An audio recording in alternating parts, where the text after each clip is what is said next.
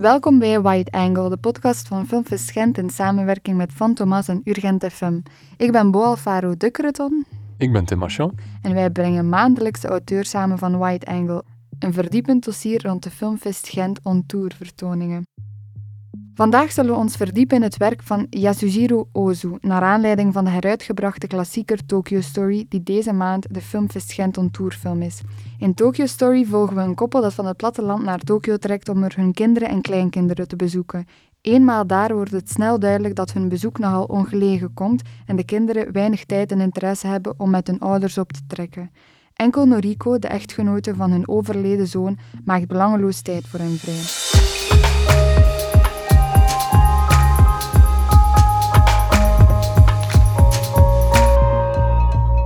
Om ons te verdiepen in Tokyo Story en Ozu's oeuvre hebben we weer een aantal fijne gasten aan tafel. Dat zijn...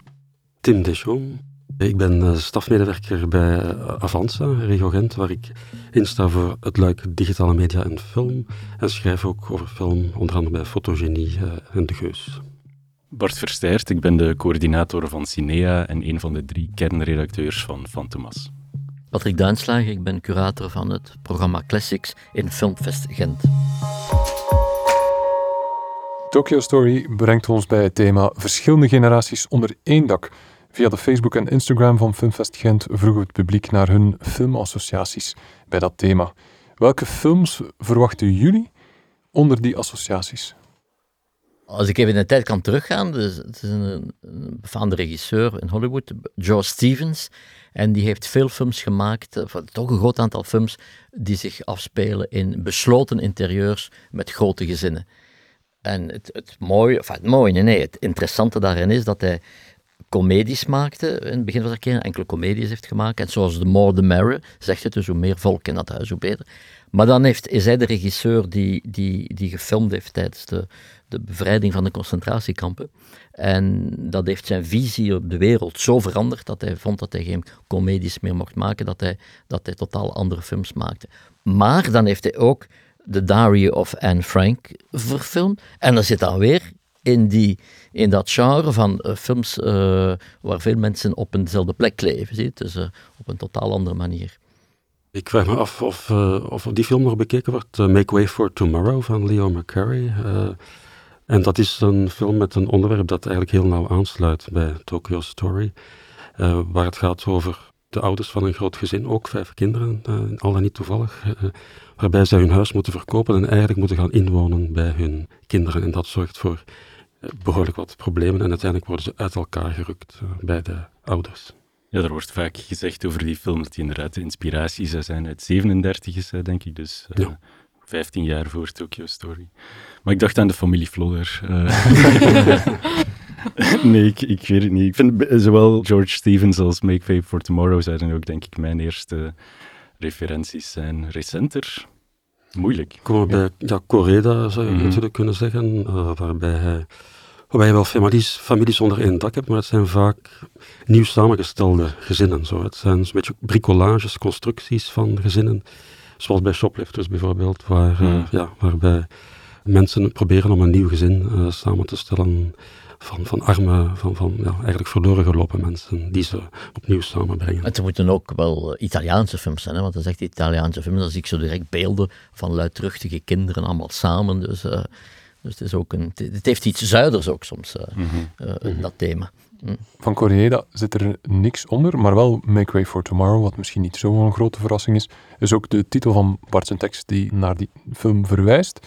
Wat er wel tussen zit, is onder andere uh, nog een Amerikaanse film, nog een paar Amerikaanse films. The Royal Tenenbaums en zelfs Meet Me in St. Louis.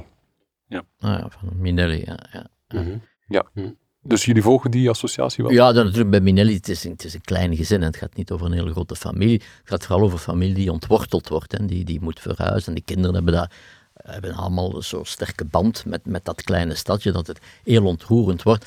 Maar in die zin sluit de film wel een beetje aan bij Ozu, dat het een totaal andere stijl, uiteraard Minelli, maar het is ook een film over hoe bepaalde plekken zeer emotioneel geladen kunnen zijn en die daarover gaan. Dus in die zin vind ik ja. wel een mooie, een mooi voorbeeld. Absoluut. Al ligt de nadruk bij uh, Meet Me in St. Louis wel veel meer op de, op de kinderen dan, dan ja. op de ouders, denk ik. Dus het is bijna het spiegelbeeld... Uh, van Tokyo Story in die zin. Je zou toch al bij uh, Ozu terechtgekomen zijn. Een eerste moeilijke vraag. Waar beginnen bij Ozu? Ja, dat is inderdaad een moeilijke vraag. Ik uh, zou beginnen bij... Goh, ik denk dat voor uh, het publiek dat nog nooit met Ozo in contact is gekomen, dat, het, dat de, een van de laatste zes films, dat zijn zijn kleurenfilms, dat dat een iets uh, voor de hand liggender introductie is tot zijn werk, omdat het dat toch wat toegankelijker maakt. En dan blijft het waanzinnig moeilijk kiezen. Ik heb altijd een, een boom gehad voor zijn laatste film eigenlijk, een Autumn Afternoon. Dus dan na lang twijfelen zou ik dan die film voorstellen. Ik kan daar wel grotendeels in volgen, al is het wel zo dat, ik, dat Ozu zijn stijl ook altijd maar minimaler en minimaler lijkt te worden, naar, naar, ja. zeker in die naoorlogse periode. En ik vind eigenlijk Tokyo Story ook wel een, goede, een goed startpunt. Dat was ook mijn startpunt. Omdat als je als ontluikende cinefiel allerlei lijstjes doorploetert, dan, dan is dat wel vaak de film die, die terugkeert. Het is in mijn bescheiden mening zeker niet zijn beste film, maar het is wel een film die heel veel van zijn thema's en stijlkenmerken uh, in zich vervat. Dus ja, geen slecht startpunt.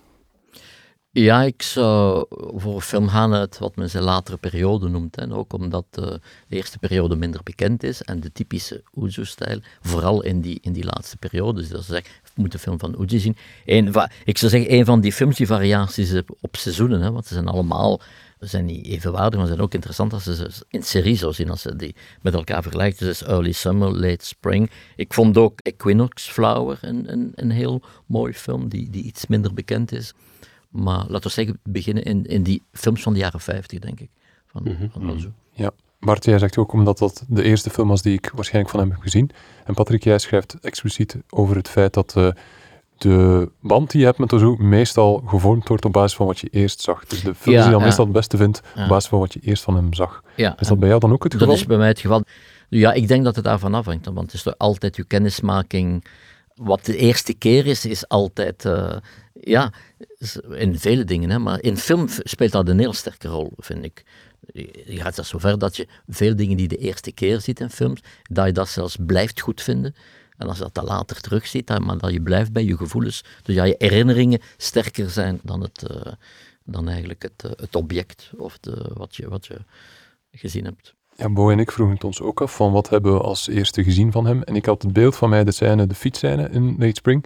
Maar waar ik op den duur ook mij afvraag, is dat gewoon omdat ik dan misschien in een les filmgeschiedenis al eens los had gezien, waardoor dat, dat beeld zo is blijven hangen. Maar ik zou misschien ook een van die, als een van die perioden er ook uithalen en dan voor uh, Late Spring gaan, wat me nog altijd mhm. enorm, uh, enorm raakt ook. En ik zou er misschien één film, uh, sorry dat ik, dat ik vergeet het, uithalen, want ik zeg, dat is I Was Born But. Mm Dus dat is een van zijn stille mhm. films. Mm en die is ook in Gent vertoond, van een tiental jaar geleden denk ik, met een muzikale, bescheiden muzikale begeleiding. Het is een van zijn stille films en dat is nog altijd een pareltje. Dat, is een van zijn, zijn dat blijft een van zijn beste films, denk ik. Daarna heeft hij toch een Good Morning gemaakt die daarop gebaseerd zou zijn. Ja, ja is een, is een, is, het is een soort remake. Het, is, het verwijst ernaar. Het is eigenlijk stramien is hetzelfde, maar een totaal andere film vind ik. En, en ik vind toch de stille film superieur, omdat uh, de andere film die je zegt, uh, die is zeer um, uh, iets, iets te komisch in, voor mij. Is een beetje, en soms plat een beetje een platte komedie. Mm -hmm. Wat ook interessant is om te zien dat die Oji die zo verheven wordt en die zo verheerlijk wordt, dat hij ja, dat wel een film gemaakt heeft waar heel veel scatologische humor in komt. Dus dat is ook wel, dat is een beetje tegenwicht voor, voor die soort bijna heilig verklaring van Ozu. Zo is hij zijn carrière ook uh, begonnen met het maken van een hele reeks van comedies. Een nonsens-comedies uh, werden die genoemd. Hij is gestart in 1927 met, dat was, nu geen comedie, dat was zijn enige historische film. Daarna heeft hij er geen enkele meer gemaakt. Maar dan, al die comedies, dus het, het comedische genre, het komische genre was wel iets wat hem kenmerkte. Alleen is het jammer dat we daar nauwelijks nog films van kunnen bekijken, want uh, de meeste daarvan zijn uh, verloren gegaan. Ja, er zit ook sowieso heel veel humor in al zijn films. In dat later werk vanaf de jaren 50 of de hele naoorlogse periode situeert zich dat vooral in een soort mannelijke pathetiek van uh, mannen die op café herinneringen zitten ophalen over de oorlog en dat soort dingen, maar dat is niet dat komt niet grappig over voor ons, omdat wij een afstand hebben in tijd en ruimte. Dat is daadwerkelijk gewoon humor. Dus allee, ja, dat zit er zeker in. Maar het is, klopt, klopt wat je zegt. en ook, als je zo snel een aantal films van hem naar elkaar ziet, dan zie je de, altijd die scènes die terugkomen op, zoals zeg, die mannen die alleen aan een baard zitten. En die sake, die, die, die uh, mensen die zich, ja, Ozzy was zelf iemand die, die, die, die van een dronkaard tussen aanhalingstekens. En in zijn ja. film spe, speelt dat een heel grote rol, dat drinken van mannen. Dus dat op café gaan en, en zich een beetje ja, bezuipen. Mm -hmm. uh, wat raar is, omdat je voor de rest in zo'n films zit die heel streng zijn en waar de mensen super beleefd zijn en hoffelijk ja. en emoties verbergen. Maar dan krijg je dan plotseling toch een... En dat maakt misschien uh, ook zodat we... Uh, het feit dat hij zo verheerlijk wordt en dat hij zo ook als dat er ook zoveel over getheoretiseerd wordt. En maakt men die misschien ontoegankelijker dan hij is. Want Mhm. eigenlijk zijn die films. Ze zijn niet toegankelijk voor ons, omdat, omdat het gewoon Japanse films zijn. Maar voor de rest zijn dat heel. Er is, er is geen cinema die zo gemakkelijk op een eerste niveau te begrijpen is als de films van Ozu. Dus, Ozu, dus dat is wel de, een beetje de, de contradictie. Misoguchi bijvoorbeeld. Ja, en Kurosawa zijn er films waar je veel meer historische achtergrond moet hebben en, uh, om, om, en kennis van de Japanse zeden om het te begrijpen. Dat heb je niet bij Ozu. Dat, uh... Nee, dat is inderdaad niet, echt uh, nodig. En het is ook zo dat, dat Ozu was een commercieel filmmaker. Mm -hmm. In zijn periode waren zijn, waren zijn films box-office hits. Hè. Dus nu wordt hij meer gezien als een arthouse regisseur. Maar uh, ja, zijn films uh, waren vaak de, de, de best verkopende films van dat jaar in Japan. Dus hij, hij, was eigenlijk zowel een, uh, hij werd geliefd bij de critici, maar ook bij het publiek. En dat is een combinatie die je niet zo vaak aantreft. Mm -hmm.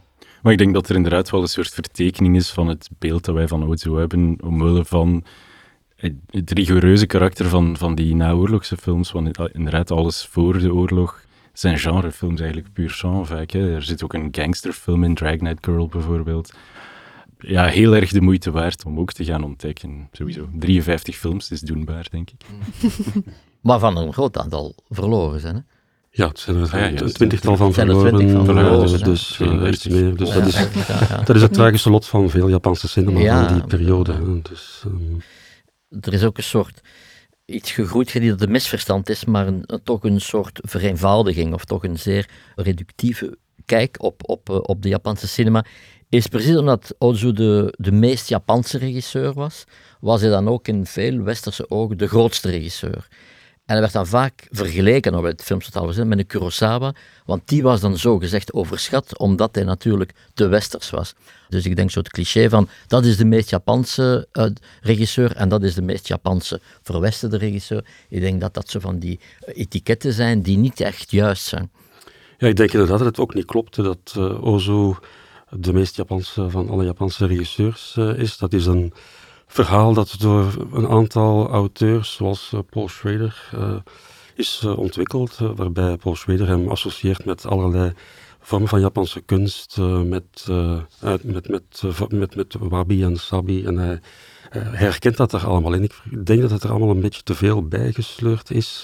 En dat merk je ook wanneer je Japanse theoretici leest, zoals Shigehiko Hasumi bijvoorbeeld, is een, een uh, belangrijk uh, Japans uh, filmhistoricus en schrijver. En die vindt Ozu helemaal niet typisch Japans. Dus hij zegt dat de wereld die Ozu schetst, dat, die, dat, is, dat, is, dat is zijn eigen universum dat hij creëert, maar dat is totaal niet Japans. Ook de idee dat Ozo heel erg met de seizoenen zou bezig zijn, veegt hij van tafel. Dat merk je, dat zie je natuurlijk wel in de, in de titels van, van die films, maar je zal bijvoorbeeld nooit een, uh, een, een bloesem uh, terugvinden in een film uh, van Ozu. Hij zal dat bewust allemaal vermijden. in Ozu schijnt altijd de zon, de, de lucht is altijd blauw. Hij probeert zijn eigen, zelfs zijn eigen meteorologische universum te creëren. Dus dat, dat, dat hij het weer creëert dat hij wil en eigenlijk bijna helemaal los staat van de, van de seizoenen. En dat is toch iets wat bij uitstek typisch Japans is, die... Uh, dat verloop van, van, die seizoenen en het uh, daarop focussen op, uh, op die seizoenen en op aspecten van die seizoenen. Oze vond het tonen van bloesems om de vergankelijkheid, de tijdelijkheid van dit bestaan, om dat met bloesems weer te geven, dat vond hij een beetje te simpel mm. en te, te, te overduidelijk. dus hij zocht meer naar... hij zocht niet aan beelden waar de poëzie op zich al in zat, maar hij probeerde beelden te creëren die die poëzie krijgen in combinatie met andere uh, beelden. En door dan ook zijn eigen filmtaal te ontwikkelen. Ja, wel, ik denk inderdaad dat dat laatste het belangrijkste is. Het is altijd heel erg reductief om stijlkenmerken of thematische interesses van een regisseur te gaan terugbrengen op zijn uh, nationaliteit.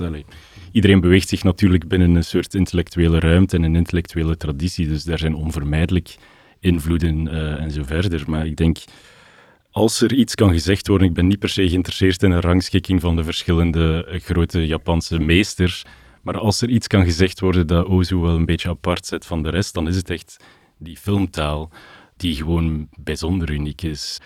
Eh, David Bordwell, een Amerikaanse filmprofessor, heeft daar heel veel over geschreven. Ehm, om kort te gaan, dus je hebt uh, de klassieke Hollywood-narratie, je hebt arthouse-narratie, en dan behoudt hij nog een aparte categorie voor een heel beperkt aantal filmmakers. Uh, dat zijn vooral Bresson en Ozu, wat hij dan parametrische narratie of vertelling noemt. En, en dat is iets wat bij Ozu zo belangrijk is. En dus denk ik wat hij hem ook soms moeilijk vindt om vast te pinnen, want er zijn een aantal duidelijke thema's en bekommernissen die altijd terugkomen, die ook heel herkenbaar zijn of zo. Maar er is iets aan zijn films dat heel moeilijk te vatten is. En dat is die parametrische narratie. Dat is bijna een soort spelen met steeds terugkerende vormen die geen onmiddellijk duidelijk narratief of thematisch nut hebben, maar die er bijna enkel lijken te zijn omwille van het spel met de vorm. Bordwell vergelijkt Ozu dan ook vaak met serialistische muzici eh, of, of, componisten die ook eigenlijk gewoon met de vorm op zich spelen. Maar goed, film is nog altijd, of fictiefilm is nog altijd een narratief medium natuurlijk. Dus is die combinatie van dat vormenspel met een zeer ja, um, bijzondere toon ook in, in, in de verhalen die hij vertelt. Een soort combinatie van een afstandelijkheid met toch een zeer grote empathie. Ik denk, Patrick, dat jij dat ook aanhaalt in uw stuk. Um, die Ozu voor mij wel ja, een beetje apart zet van, van maar niet alleen van, van Kurosawa, Naruse, Mizoguchi, maar van nagenoeg alle filmmakers. Ik ben het daar volledig eh, mee eens. ja, was, uh, was Ozu dan ook iemand die zijn geest de regels had toevertrouwd in zijn vroegere periode? Regels die vaak aansluiten bij de Hollywood-conventies als het gaat om dingen zoals een as, om ze dan in zijn latere periode te gaan verbuigen of zelfs soms te gaan breken, op vlak van vorm. Ja, hij was iemand die al van uh, jongs af aan uh, heel erg geïnteresseerd was in uh, Amerikaanse film. Hè. Dus hij, toen hij solliciteerde bij Shoshiku, de grote Japanse filmstudio, die toen nog maar pas begonnen was, dan had hij tientallen Amerikaanse films gezien en moest hij toegeven dat hij nog maar drie Japanse films had gezien. En daarna is hij eigenlijk op dat elan verder gegaan en heeft hij, hij bijvoorbeeld in 1923 Woman of Paris van Chaplin bekeken. Hij heeft dat, en heeft dat ook allemaal grondig geanalyseerd. Hij was ook sterk geïnteresseerd in filmtaal. Dus dat, de, de, continuïteitsmontage, zoals die in Hollywood een beetje gekristalliseerd is rond 1917, die heeft hij snel leren kennen en hij heeft, heeft zich dat eigen gemaakt. En ik denk ook dat, het, dat je het je eigen moet maken voor leren dat je er op een wijze met autoriteit van kunt gaan afwijken. En dat is wat hij in begin jaren 30 is beginnen doen door alternatieven te gaan zoeken voor de regels van die continuïteitsmontage. En dus eh, ja, je hebt die regels zoals uh, de 180 graden as, hè, of je mag niet over de as gaan. Want dan, uh, dat was de idee toch bij Hollywood, dan zal de kijker gedesoriënteerd raken, want dan lijkt het alsof de personages van plaats verwisselen, de achtergrond lijkt te veranderen. Dat is raar, dat mag, je, dat mag je niet doen, je mag niet over de as gaan. En wat Ozo dan stelselmatig begint te doen, is ofwel de personages op de as zetten of ze over de as laten gaan. Dat is wat Bordwell, waar Bart naar verwees, de 360 graden ruimte noemde. Dus hij liet die camera alle vrijheid. en dat is natuurlijk een unieke manier om, om te werken. Combineer dat nog met zijn keuze voor een opvallend lage camerahoogte. Dus hij je moet Tokyo Ga van Wim Wenders eens bekijken, omdat Wenders daar Atsuta, de, uh, de, de, de, cameraman, de DP van Ozo is gaan opzoeken en die dan ook dat speciaal ingekorte statief toont, hè, waarbij dan Atsuta zei dat hij op de set altijd rondliep met een rieten matje waar hij dan kon op gaan liggen, omdat hij altijd moest gaan liggen eigenlijk om te filmen. Um, en dat zorgt ook voor een ander soort van beeld. Je merkt vaak bij Ozu dat uh, het hoofd van personages die recht staan gewoon is afgesneden. Hè. Dus, uh, want Ozu volgt de personages ook niet. Als ze bewegen zullen de meeste regisseurs de personages volgen. Hij, hij doet dat niet. Hij kiest ervoor om dat niet te doen, om de camera te laten staan. En ons de gelegenheid te geven om rustig te bekijken wat er zich in die ruimte allemaal bevindt.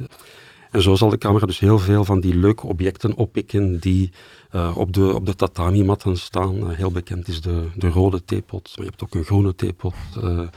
En die zullen door personages opgepikt worden, verplaatst worden. Hij doet daar van alles mee. Het is ook een manier om visuele gags in zijn film te introduceren. Um, dus dat zijn allemaal echt nieuwe dingen, alternatieven voor een bestaand dominant montagesysteem dat hij introduceert. En dat is toch iets wat weinig andere regisseurs uh, gegeven is. Anderzijds is er ook zo, omdat je nu Chaplin citeert, uh, ja, heeft dat systeem gecreëerd. Dus een systeem waarbinnen hij films maakt. Uniek, niemand anders ter wereld heeft dat ooit gedaan. Maar tegelijkertijd was hij conservatief in de aanpassingen van de techniek, net als Chaplin. Het heeft heel lang geduurd eer hij, een geluidsfilm heeft gemaakt. Dus heeft heel lang tot, tot bijna midden in de jaren 30, terwijl de geluidsfilm was al vanaf 27 uh, in, in Hollywood. En ook kleurenfilm, ook heel laat in zijn carrière. En Chaplin is eigenlijk ook zo, want Chaplin heeft nog een stille film gemaakt, terwijl het geluid al volop courant was in de Hollywoodfilm. En ook heel laat in zijn carrière kleurenfilm. Dus interessant dat mensen die zo een strenge visie hebben, of een zeer...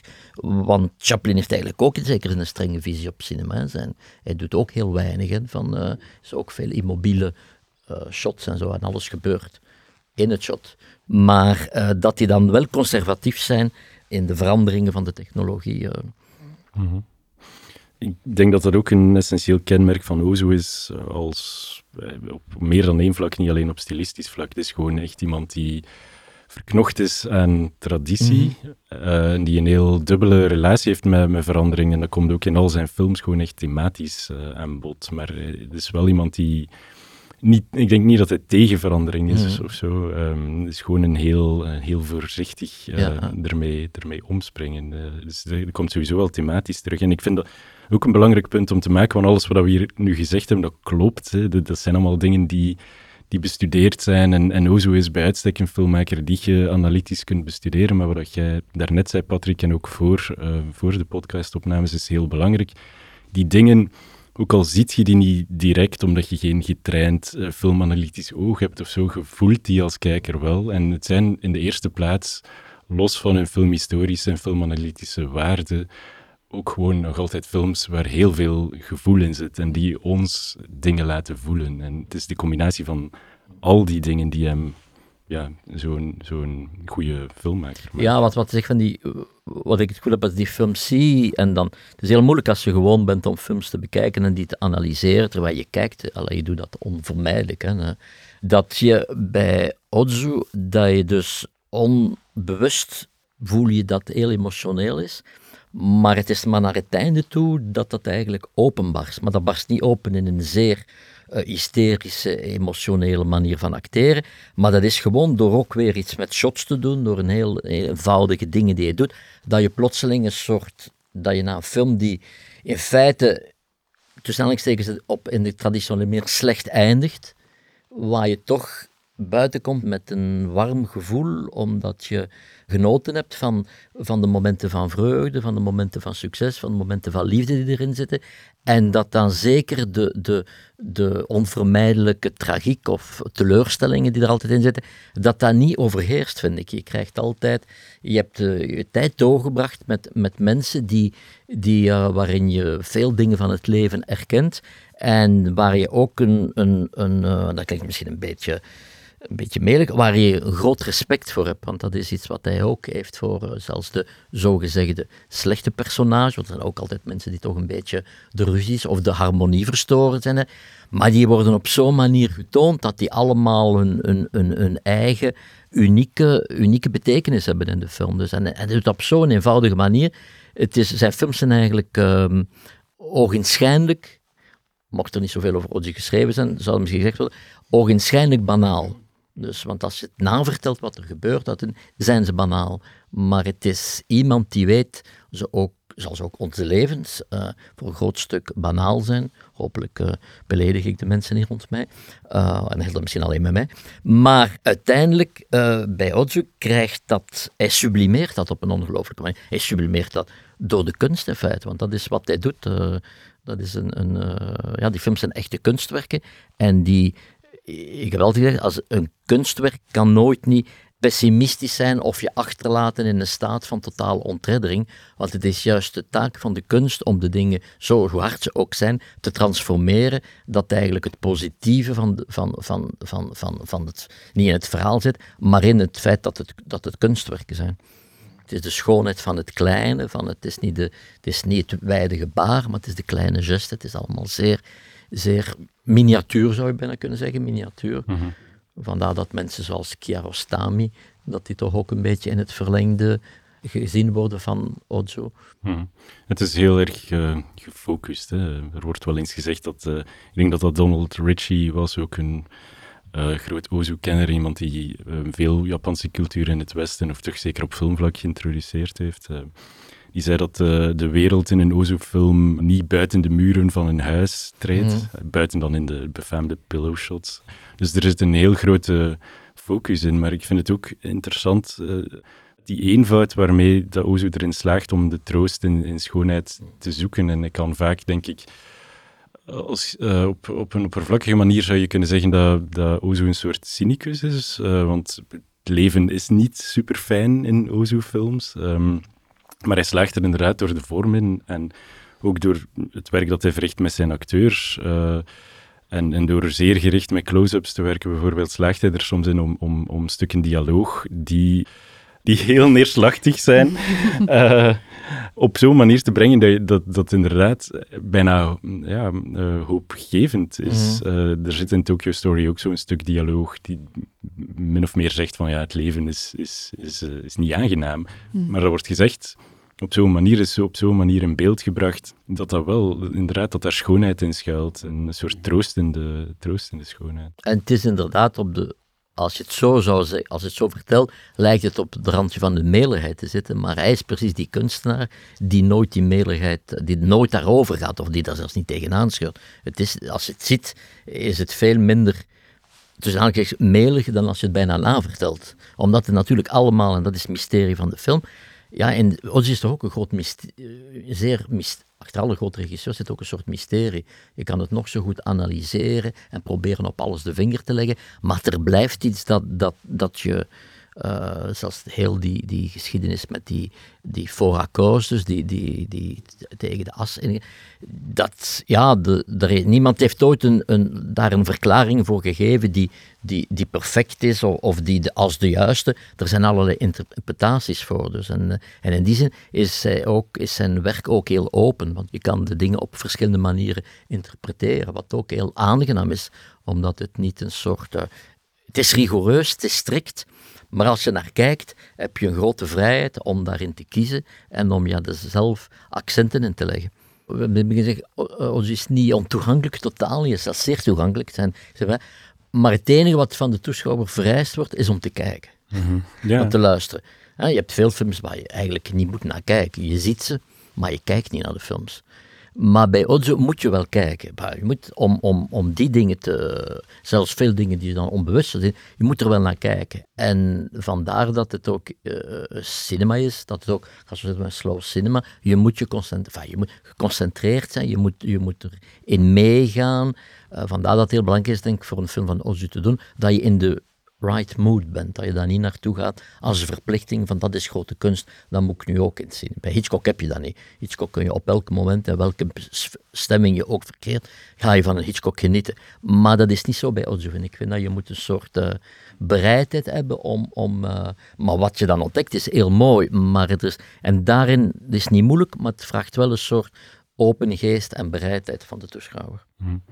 Alhoewel hij ook wel sowieso, ik ga akkoord, Patrick, maar hij is ook wel heel sturend op een bepaalde manier. En ik vind dan vooral in wat hij toont en niet toont. Er zijn in Ozo-film, we krijgen echt, dat bedoel ik ook, ook daarnet met die concentratie, eigenlijk heel veel ga je nooit te zien krijgen mm-hmm. in Ozo. Er is een heel... Uh, en, en dat is ook heel erg merkwaardig, dat er met zo weinig verschillende beelden eigenlijk, ook al zit er ongelooflijk veel variatie in de beelden, voor alle duidelijkheid. Hè? Maar, maar we zien in Tokyo Story zien we uiteindelijk drie huizen, een appartement en een, en een hotelkamer, min of meer. Dat is eigenlijk alles wat je te zien krijgt. En, en zelfs van die huizen krijg je delen van kamers te zien, lang niet alles. Het is geen camera die door de huizen beweegt en ons, en ons alles toont. Dus hij stuurt onze, onze blik ook wel heel erg hard op een bepaalde manier. Maar je moet inderdaad wel kijken naar wat dat hij ons, ons, uh, ons wil laten zien. Dus uh, op dat vlak ga ik zeker uh, helemaal akkoord. Ook. En wat je zei over de stemming, Patrick, is Ozu iemand niet als je niet in de stemming bent, dat hij je wel in die stemming zal brengen? Ik bedoel er meer mee dat je, ja, je moet niet met de verwachting niet zitten kijken, ja, wanneer begint het verhaal, wanneer begint de plot, is meer die dingen. Dus dat, uh, het is goed dat mensen die naartoe gaan weten dat, want als je dat weet, stoort je dat niet. Zie je? Er moet erin komen, het is een wereld en je ziet zeer snel dat dat een eigen wereld is. Want van, van af het eerste shot zie je dat, dat is ongelooflijk dat een, dat film is van Ozu. Dus dat is heel, maar je moet in die wereld toch, toch instappen, vind ik. En, uh, maar er is geen, dat is geen probleem. Hè. Films zijn, zijn, vind ik in veel gevallen, zachtzinniger en uh, idealistischer dan hun omgang met de crew, met de cast en zo. En dat hadden al die regisseurs in Japan. Hè. Dus, want dat is ook een deel van een maatschappij, die enorme autoritaire, autoritaire maatschappij. En... Ja, of ik heb zo'n zo heel negatieve uh, opvattingen over Ozo's stijl heb ik nog niet tegengekomen. Uh, omdat ik toch ook van Chichoryu uh, en van Setsuko Hara ook, ja, toch ook al gelezen heb dat ze echt wel graag met hem hebben samengewerkt. Dat het ook dat is ook een, er wordt ook vaak van de Ozu Batsu, dat is de Ozu-clan, uh, gesproken. Dus van, uh, ja, van mensen die toch uh, decennia lang intensief samenwerken. En dan moet er toch ook een, een vorm van wederzijds respect en waardering zijn, zou je dan denken. Dus die Atsuta, die daar bijna altijd op de grond lag, en met zijn, met zijn mat en zijn camera, die, die gaat ook al van de jaren dertig mm. mee. Kogonoda is uh, zijn uh, scenarist. Dat was zijn scenarist voor zijn eerste film, uh, 1927. Daarna heeft hij wel een tijd niet meer met Ozu samengewerkt, maar de naoorlogse periode heeft hij altijd met die scenarist samengewerkt en gingen ze samen in een café of in een, in een villa wandelen, samen in een onsen kruipen, sake drinken. Het was zelfs zo dat voor uh, Tokyo Story bijvoorbeeld uh, heeft Ozu ook de flessen sake die ze samen hebben opgedronken allemaal bijgehouden en genummerd. Dus uh, die staan, alle 103 waren het. Okay. en dat zijn geen kleine flesjes, dat zijn denk ik 2 liter flessen of zo. Um, Ozo zei ook dat hij, meet, hij matte de kwaliteit van een film ook af aan het aantal flessen sake dat er tijdens het schrijven gedronken was. Um, om maar te zeggen, er was toch ook een, zeker ook een broederschap en een kameraderie uh, uh, in, in, in, die, uh, in die crew. Um, Setsuko Hara is een beetje een verhaal apart. Ja, vroeger dacht ik altijd, ze hebben altijd met Ozo samengewerkt, maar uiteindelijk zijn dat maar zes films waarmee ze, waar, waar, ze samen hebben gewerkt. Late Spring was de eerste. Um, en uh, dat was natuurlijk ook een, een intensieve uh, samenwerking. Er wordt ook over een romance uh, gesproken, maar dat is waarschijnlijk bijna altijd het geval als het over regisseurs en hun muzes gaat. Het is wel zo dat ze gestopt is met acteren ongeveer in dezelfde periode dat Ozu gestorven is. Maar hij heeft haar natuurlijk wel nog groter gemaakt dan ze al was, want Setsuko Hara was al een bekende actrice. Uh, toen in 1949 Ozo met haar Late Spring uh, maakte. En ze begon aan die bekende Noriko-trilogie. Um, ze heeft ook een beetje haar beeld ook wat kunnen bijschaven, want wat minder gekend is, is dat Setsuko Hara in de jaren 30 ook een film heeft gemaakt met niemand minder dan Arnold Fank, die dus eigenlijk een, een nazi-regisseur zou ik kunnen zeggen. Hè. Dus dat was de uh, de dochter van de samurai uh, heette die uh, film. Wat ook een film was over rassenzuiverheid eigenlijk. En daarin speelde ze als jong meisje de hoofdrol. Dus dat is ook iets wat ze heeft moeten afschudden, van zich heeft moeten afschudden. wat dan ook uitstekend is gelukt, want vanaf de jaren, eind jaren 40 was ze dan de, de eeuwige maagd, die Eternal Virgin. En ook het hele mooie, letterlijk en figuurlijk personage van Noriko, dat mm het summum van empathie en inlevingsvermogen is uh, in, die, uh, in die drie films, uh, die Noriko-trilogie. Ik, ik, denk dat um, enerzijds een zeer humanistisch regisseur zijn en anderzijds een onaangenaam mens, dat dan niet per se haaks op elkaar hoeft te staan. Dus ik, kan me niet uitspreken over het, het karakter van, van, van Ozu.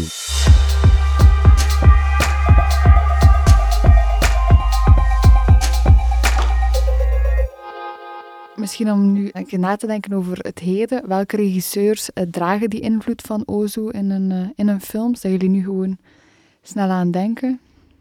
Welke erfenis laat Ozu na in de hedendaagse cinema?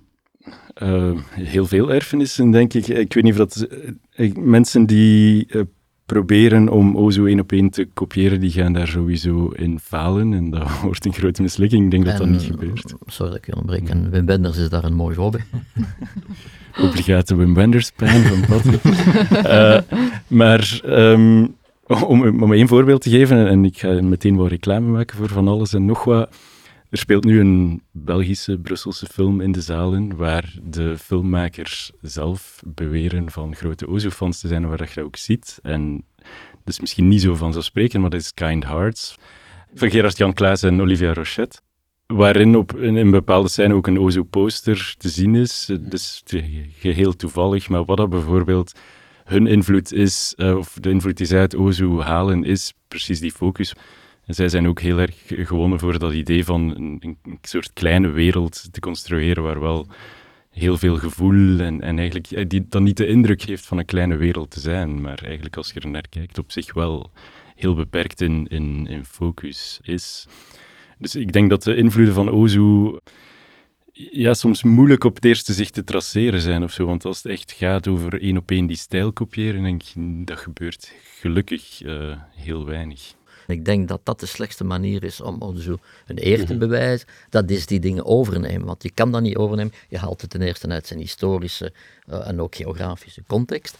Maar ik denk dat de grote invloeden van Ozu zijn meer regisseurs die op een totaal verschillende manier ook via, via de eenvoud en via de, de, de karigheid van middelen een eigen universum creëren. En dan zou ik, uh, natuurlijk denk je dan meteen ook aan de Aziaten, Tsai Ming Liang, uh, Hao Xian, maar iemand die ik vind die daar ook bij aansluit.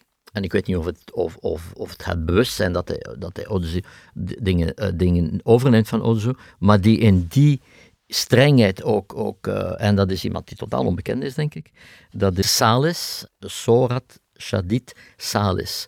En dat is een Iraanse regisseur die, die twee films gemaakt heeft in Iran, A Still Life en A Simple Event. En die dan verkast is naar Duitsland en die daar een aantal films gemaakt heeft. Zijn eerste film, of zijn tweede film in Duitsland ging over de Turkse gastarbeiders. En die, die ook, en die dan na, na een, vijftal films uh, naar, uh, verkast is naar Chicago, ik weet niet precies waarom, en daar vrij snel overleden is, want hij is pas is nauwelijks 54 geworden.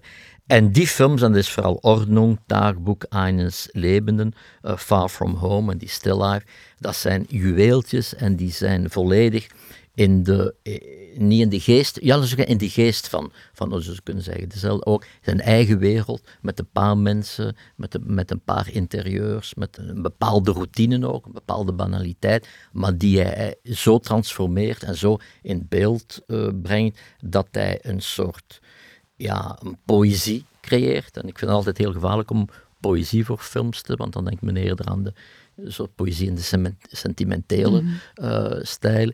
En die ook trouwens, uh, uh, als ze dan zijn bewonderaars, want vooral in Groot-Brittannië, dat die bewonderd werd, dus, ik spreek over de jaren zeventig, die uh, vergeleken hem ook met Chekhov.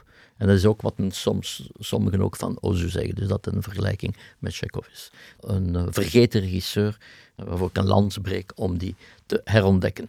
Er zijn ook al tijdens het leven van Ozu uh, hommages aan Ozu geweest. Het bekendste is van uh, Kinuyo Tanaka.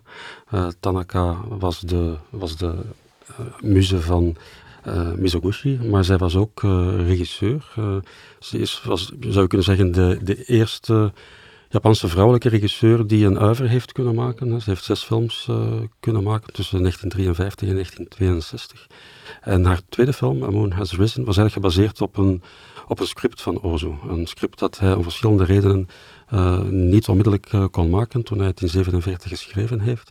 En uh, op het moment dat Tanaka haar ambitie als regisseur naar buiten bracht, overigens Mizoguchi vond dat maar niks, dus hij heeft haar daarin tegengewerkt. de, reden is niet helemaal duidelijk. Maar mensen als Mikio Naruse en Ozo hebben haar wel geholpen.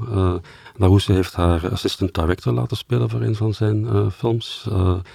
en Ozo heeft haar dan ook geholpen met, met het script van deze film. En als dankbetoon heeft Tanaka dan de stijl van Ozo geïntroduceerd in haar film. het is duidelijk dat het een hommage is eh, en niet de stijlkenmerk van haarzelf, want in haar vijf andere films zie je dat niet terugkeren.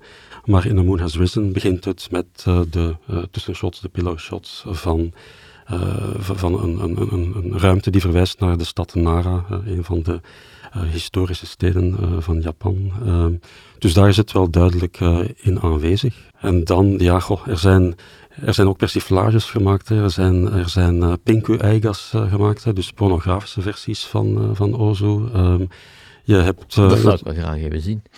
ja, dat dacht ik al, ja.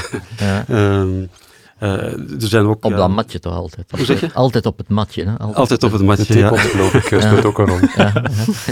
De titel was The Abnormal Family, denk ik. Um, en dan heb je natuurlijk uh, ja, regisseurs die, die gewoon erg van Ozo houden, zoals uh, Kaurismaki, hè, die, uh, die, ja, uh, die, waar je het ook wel in zijn stijl soms terugziet, vind ik. Ehm, Claire Denis bijvoorbeeld is ook een groot ozo van.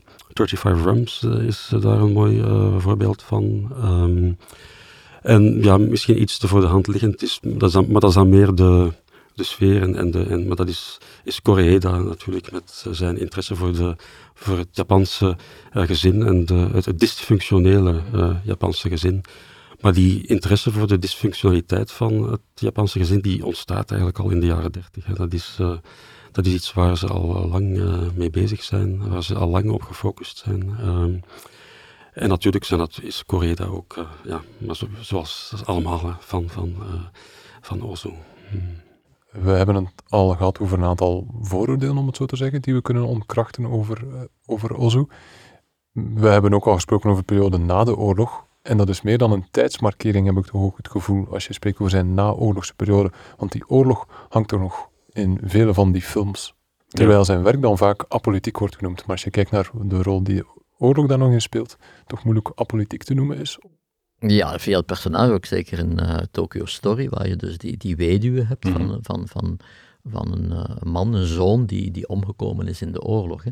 Dus, maar dan is dan ook weer zo dat dat daarin zit, maar, maar dat ligt er niet vingerdik op. Het is gewoon, er wordt over gesproken, maar het is niet dat je, dat je flashbacks krijgt of dat, of dat er echt veel uitgelegd wordt voor die oorlog, maar je voelt, je voelt bijna dat het een soort taboe is. Dat, mm hij is dood in de oorlog, hij wordt herinnerd, maar voor de rest wordt daar niks over gezegd is. nee, inderdaad. De oorlog, wanneer de oorlog in zijn naoorlogse films uh, binnenkomt, dan is dat vooral met enfin, subtiele verwijzingen inderdaad naar, het is meestal een zoon die gestorven mm-hmm. is, uh, waar men dan aan een schrijn zit voor de foto van uh, die zoon. Er zijn ook wel verwijzingen naar bijvoorbeeld het, het, het, stoffige Tokio.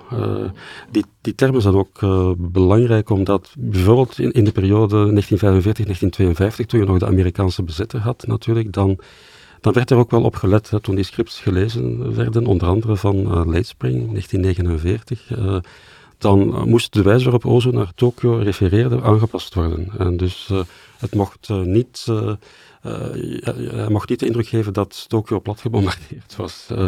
Dus dat is dan geen keuze van Ozo, dat is een keuze van de sensor. Uh, dus dat, uh, dat, uh, dat gebeurde ook wel. Maar los daarvan is het natuurlijk zo dat Ozo's affiniteit vooral met, ja, met, met, met het existentiële en met, het, met, met, met zijn humanisme en met, met zijn personages en hun gevoelens ging. Maar hij, dus het is, ja, het, het, is misschien apolitiek, maar het is zeker sociaal bewogen en hij heeft ook altijd die interesse gehad voor, um, voor, de, voor de gewone Japanner. Mm Dus Ozo is uh, geboren en voor een stuk getogen ook in Shitamachi. Shitamachi zou je kunnen zeggen is downtown Tokyo. dus dat is het Tokyo van, van de winkeliers, van de bars, van de, van de bordelen. En dat is het gebied dat hij, dat hij goed kende. En zijn jaren dertig films die gaan daarover. En bijvoorbeeld voor iemand als Noel Birch is dat dan zijn beste periode, omdat hij dan een thuismatch speelt. Hè. Dus hij, hij, kent die omgeving, hij kent alle gewoontes van, van die mensen. Um, maar daarom is ook, dat is ook een van de redenen waarom dat velen Tokyo Story dan ook zo goed vinden, omdat hij dan als een van de weinige films in de naoorlogse periode teruggrijpt naar, naar die wijk, naar die Shitamachi-wijk. Dus als je Tokyo Story bekijkt, dan zal je merken dat, uh, dat, dat de ouders die dus op uh, bezoek gaan bij hun kinderen en daarvoor een, lange weg moeten afleggen, zeker in die tijd duurde dat nogal, Um, dat, ze, dat de moeder verrast is dat, dat de kinderen zo ver weg van het station wonen. Hè. Dus ze moeten daar een hele afstand voor afleggen. Dat betekent dat ze dus in de suburbs wonen, in, in, die, in die Shitamachi, waar dus meestal de armere mensen uh, wonen. Uh, je ziet het ook in de film dat, uh, dat er heel weinig plaats is. Hè. Dus de, de moeder en de vader kunnen niet samen naar het appartement van Noriko gaan. Uh, omdat dat te klein is. -hmm. dus die, die moeder zegt ook op zeker moment, ik, ik, ik, ik had toch gedacht dat mijn zoon, die dokter is, ja. in, in een beter huis zou gewoond Inderdaad, ja, dus het valt wel... hen eigenlijk allemaal nogal tegen, wat die kinderen daar uh, van gemaakt of niet van gemaakt hebben. De zoon is dan wel dokter, wat mm. toch niet min is, maar... Maar er wordt ook gewoon letterlijk gezegd, het is wel maar gewoon een wijkdokter. Dus, ja, ja, het is gewoon een wijkdokter, dus ja, goh, eigenlijk uh, stelt dat niet zoveel, uh, niet zoveel voor. en wat je ook merkt is dat de, de moeder zich eigenlijk het, het best voelt in dat bekrompen appartementje van Noriko, wat haar misschien nog het meest herinnert aan, aan de wijk waar ze vroeger heeft uh, geleefd. Hè. Dus dat is uh, die herinnering ook aan, aan een periode, aan een vooroorlogse mm -hmm. periode dan het sociale en ook het uh, klassebewustzijn, het klasseonderscheid, dat is iets wat eigenlijk dat wel tamelijk opvallend uh, mm -hmm. bij Ozu en ook bij veel Japanse regisseurs aanwezig is. Want de genres in Japanse films die worden vaak genoemd naar de, de klasse waarover het gaat. Hè. Je hebt uh, de, de Shomin Geki, dat zijn de drama's van de Shomin, van het gewone volk. Hè. je hebt ook genres die verwijzen naar de, de de middenklasse, de petit bourgeois. Eh, dat is dan ook een genre op zich. Eh, dus, eh, dus dat zijn genres die Ozo allemaal bespeelde. Ehm, maar waar hij dan in de naoorlogse periode al die, ja, die, die visuele rijkdom aan toevoegt. -hmm. En die, ja, die gevoeligheid, of dat, dat klassebewustzijn zit heel erg hard verweven met die generationele spanningen. Hè. En daar is natuurlijk die oorlog ook een belangrijk breekpunt sowieso, maar niet alleen de oorlog op zich en ook het ja, in grote getalen sneuvelen van trouwbare mannen, wat dat natuurlijk ook een thema wordt in heel veel van die later films, vrouwen die dan een man moeten zoeken. Dat is dan op dat punt ook misschien niet zo vanzelfsprekend. Maar, maar ook uh, ja, de modernisering die natuurlijk in, uh, uh, na de oorlog um, kwam en alle conflicten die daar, daarmee gepaard gaan. Dus ik, ik vind het altijd een beetje een rare bewering om te zeggen dat, dat Ozo geen politiek filmmaker is. Het is niet omdat hij geen duidelijke politieke ideologie uitdraagt, dat hij zich niet van alles wat politiek is, in de ruime zin van het woord, uh, zeer, heel, erg, heel erg bewust is eigenlijk. Dus uh, er, er zijn heel veel verschillende sferen, uh, generationeel, klasse, botsende, uh, niet, niet per se botsende culturen, maar de mengeling van Japanse en Amerikaanse cultuur. Er zijn, er zijn heel veel bewegende delen in de statische films van Ozu, die het ook allemaal interessant maken. Misschien iets zo, dat misschien ook interessant kan zijn, dat is dat uh, van mensen die geïnteresseerd in de Japanse cinema, dat er toch ook na Ozu regisseurs gekomen waren die, die, die zich duidelijk afzetten tegen Ozu en tegen ook niet alleen Ozu, maar ook Kurosawa, aan degene de Misoguchi, degene die toen bekend waren. Ja, de bekendste figuur daarvan is Oshima, die dus met zijn films tegelijk taboes breekte, maar taboes esthetisch, moreel, uh, seksueel, maar ook als reactie tegen de Japanse cinema. Hetzelfde met Imamura, dus dat zo twee figuren die, die zeer ingingen tegen en wiens cinema alles behalve uh, laten we zeggen, zeker die van Imamura, dat was woeste cinema, dat was dus een, een soort complete tegenstelling van Ozu. Dus er is daar toch ook een soort, uh, ik weet niet in hoeverre dat allemaal bewust was, maar toch die generatie die daarna gekomen is, gereageerd tegen, waarschijnlijk dat zij het gevoel hadden dat de, de, uh, het Westen door die films een, een, een, een, verkeerd beeld had, ook van Japan waarschijnlijk, die toch de soort de grotere eh, conflicten, grotere eh, breekpunten. We spreken dan over de jaren 60 natuurlijk, aan uh, grotere veel grotere dramatiek in, in de klasse, in de, in de generatieverschillen en zo. Dus dat is dan toch wel ook een, een reactie, denk ik, geweest. Eigenlijk. Zeker, ja, het was voor, voor Oshima, Imamura, Yoshida ook, mm. was het... Ja, het irriteerde hen dat uh, Ozu, uh, Naruse, dat, of dat, of vooral Ozu dan misschien, dat zij uh, heel weinig expliciet aandacht besteden aan alle bekommernissen van jongeren, bijvoorbeeld mm. ook. en, en hun, ook hun ergernis ten opzichte van de Amerikaans, van de blijvende Amerikaanse ja. aanwezigheid. al die protesten, studentenprotesten. Dus de Zengakuren, dat waren, de, dat waren de, de, de studenten die uh, protestmarsen organiseerde. Dat zie je natuurlijk allemaal niet in een, in een Ozu uh, verschijnen. Uh, het is wel mooi dat iemand als Yoshida, die dus ook heel veel kritiek had op, op Ozu in, in die periode, dat hij dan na Ozu's dood een boek heeft geschreven over Ozu's anti-cinema, waar die anti-cinema een compliment is. Dus heeft gezegd, we waren, we waren jong en uh, ja, we rebelleerden, uh, dat is normaal. Maar achteraf bekeken moeten we toch zeggen dat Ozo een fantastische regisseur is. en met die, ja, met die anti-cinema bedoelt hij eigenlijk dat ja, wat we daar, waar wij het al de hele tijd over gehad hebben, is die, die filmtaal die hij ont ontwikkeld heeft. En ook het feit dat hij waar we nog minder over gesproken hebben, dat Ozu een hekel had aan, uh, aan een uitgewerkt plot, waarbij de ene scène een, uh, oorzakelijk volgt op de andere. Ozu werkt meer met, ja, Richie noemde dat modules, anderen noemen dat scripts, plotelementen, dus die, die hij dan weer samenstelt letterlijk met een kaartsysteem samen met Kogo uh, Noda hadden ze zo allerlei kaartjes met allemaal plotelementen die ze dan allemaal verschoven en in een andere volgorde plaatsten voor de volgende film. um, dus een heel andere visie ook op, uh, op, op, uh, op plotstructuur. Um, en dat was dus wat Yoshida ook die anti-cinema noemde. Dus eerst had je inderdaad die, dat verzet tegen wat dan in Japan hun cinema a papa was, zoals dat in in eh, Frankrijk ook het geval was. Maar daarna toch ook de appreciatie weer van eigenlijk was hij verdorie toch wel een knappe cineast. Lijkt me een mooie noot om op af te sluiten.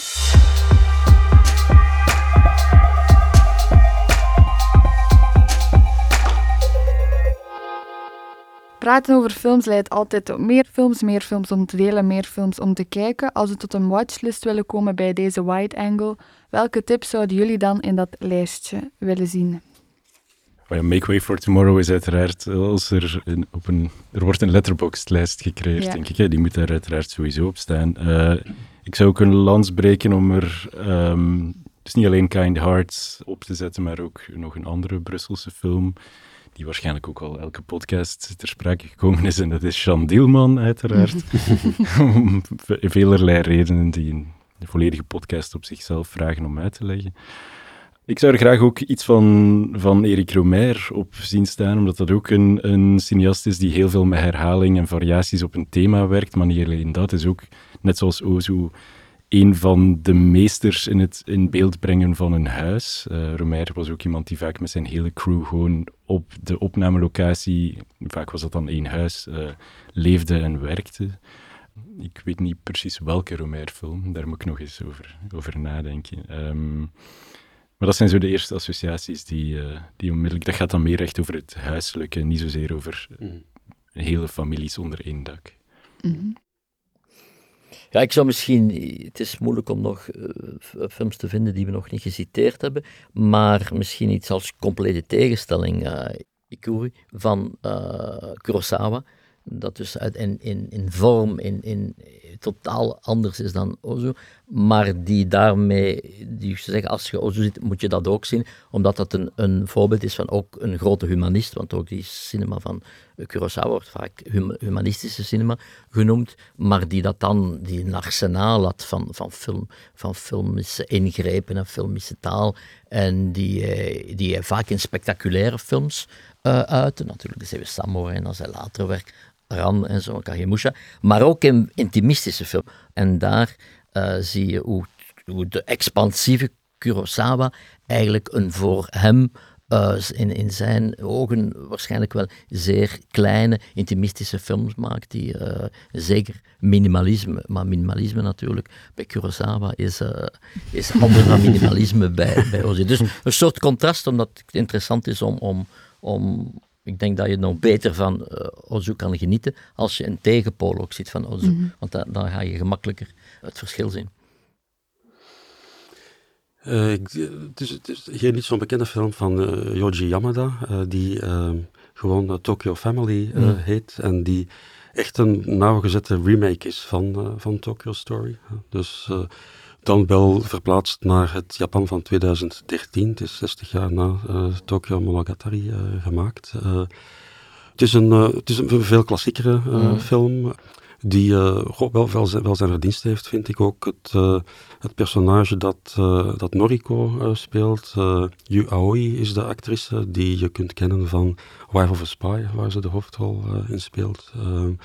Uh, is, doet dat heel goed en uh, vind ik eh, zal dat, uh, ja, dat empathische, dat, dat lieve van, van Noriko heel goed weerbrengen. Maar het is dus zeker geen vernieuwende cinema, maar het is een, denk ik een, een goede manier om Tokyo Story voor een jong Japans publiek dat uh, Ozo al lang niet meer kent, uh, toch weer te doen herontdekken. Um, en van de Koreedas denk ik misschien dat, dat ik vind dat Our Little Sister de, de, de meeste Ozu-touch heeft, omdat ja, die, die, die, die warmte van, van, dat, van, van het gezin, ook een beetje nieuw samengesteld gezin, de zussen die een halfzus in huis nemen en ook de, het feit dat het op een, op, mhm. op, eh, dat het grootste deel van het verhaal zich in die ruimte uh, van, van dat huis uh, en de tuin afspeelt, uh, vind ik ook wel iets uh, En dan misschien, het is ook een contrast, maar omdat we het over de ruimte bezig zijn, de, de, de woningen van, en hoe belangrijk het is in de mise en scène van Ozu, is L'Empire d'Essence van de Oshima, waar je dus toont dat je ook in zo een woning à la Ozu, dat je daar toch andere dingen dan, uh, Maar ook die alle op een stokje, die op een fantastische manier gebruik maakt.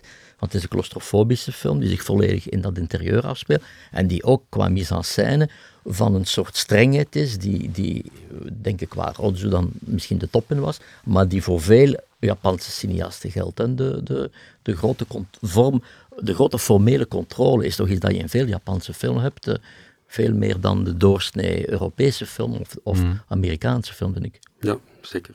Dat uh, wordt weer een stevige watchlist. Mm. Als er iemand heel de lijst doorkomt, dan vind ik dat we die gewoon de volgende keer moeten uitnodigen of zo. Dan heeft hij dat wel verdiend verschil moet er zijn, dat is allemaal duidelijk met Oshima. Maar we zijn wel begonnen van lichte variaties. Ik denk, als je wil zien hoe die variaties werken bij Ozu, dan moet je ook meer dan één film van Ozu zien. Mm. En dan zou ik er uh, Late Spring op zetten. Dat heeft ook een dubbele reden, want er zou meer dan één restauratie van Ozu uitkomen in de cinema. En dan zal daar waarschijnlijk wel Late Spring bij zitten ook. En dan kan je die maar beter ook gewoon in de cinema gaan zien. En ik zou dan zelf nog eentje van Koreeda bijzetten, Still Walking, dan eerder omdat je daar echt ook dat samenkomen van verschillende generaties hebt. En lijkt me ook een laagdrempelige manier om... overleden zoon ook. ja, de overleden zoon ook. Er is ook sprake van... Uit het ouderkoppel is de man een dokter op pensioen. Er zijn mm. zo'n aantal overeenkomsten. Lijkt me ook een vrij toegankelijke manier mhm. om tot bij die erfenis van Ozu te komen. Mhm. We hebben het al over de film gehad, maar uit het wonderbaarlijke filmjaar 19 59, die al Les Quatre Cents Coups van Truffaut bracht, zou ik ook graag Good Morning van Ozu aanraden, een film waarin twee broers zichzelf het zwijgen opleggen om hun ouders zover te krijgen een televisie te kopen. Het is een film vol flatulentie, I love yous en kindse, dus oprechte eerlijkheid, die met Ozus kenmerkende finesse de breuklijnen in een veranderende Japanse maatschappij toont. En dan wil ik ook nog een graphic novel aanraden. Ik weet niet of dat, dat mag, maar we gaan dat toch doen. Ozu heeft heel veel dagboeken uh, achtergelaten, waar hij eigenlijk heel veel geschreven heeft over zijn creatieve proces, maar ook over zijn tijd in het uh, Japans keizerlijke leger. Hij had het ook over uh, comfort women, dat zijn een eufemisme voor de seksslavinnen.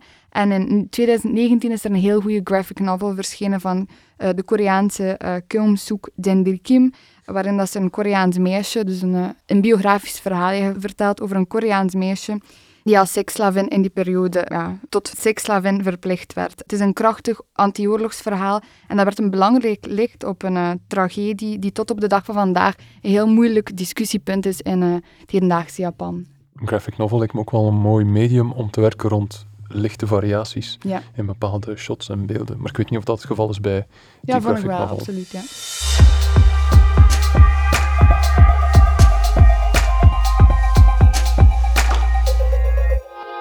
Dat was het voor deze Wide Angle gewijd aan Tokyo Story en Yasujiro Ozu. De Filmfest Gent On Tour vertoning van de film vindt plaats op dinsdag 17 mei, verspreid over verschillende arthouse bioscopen en culturele centra in Vlaanderen.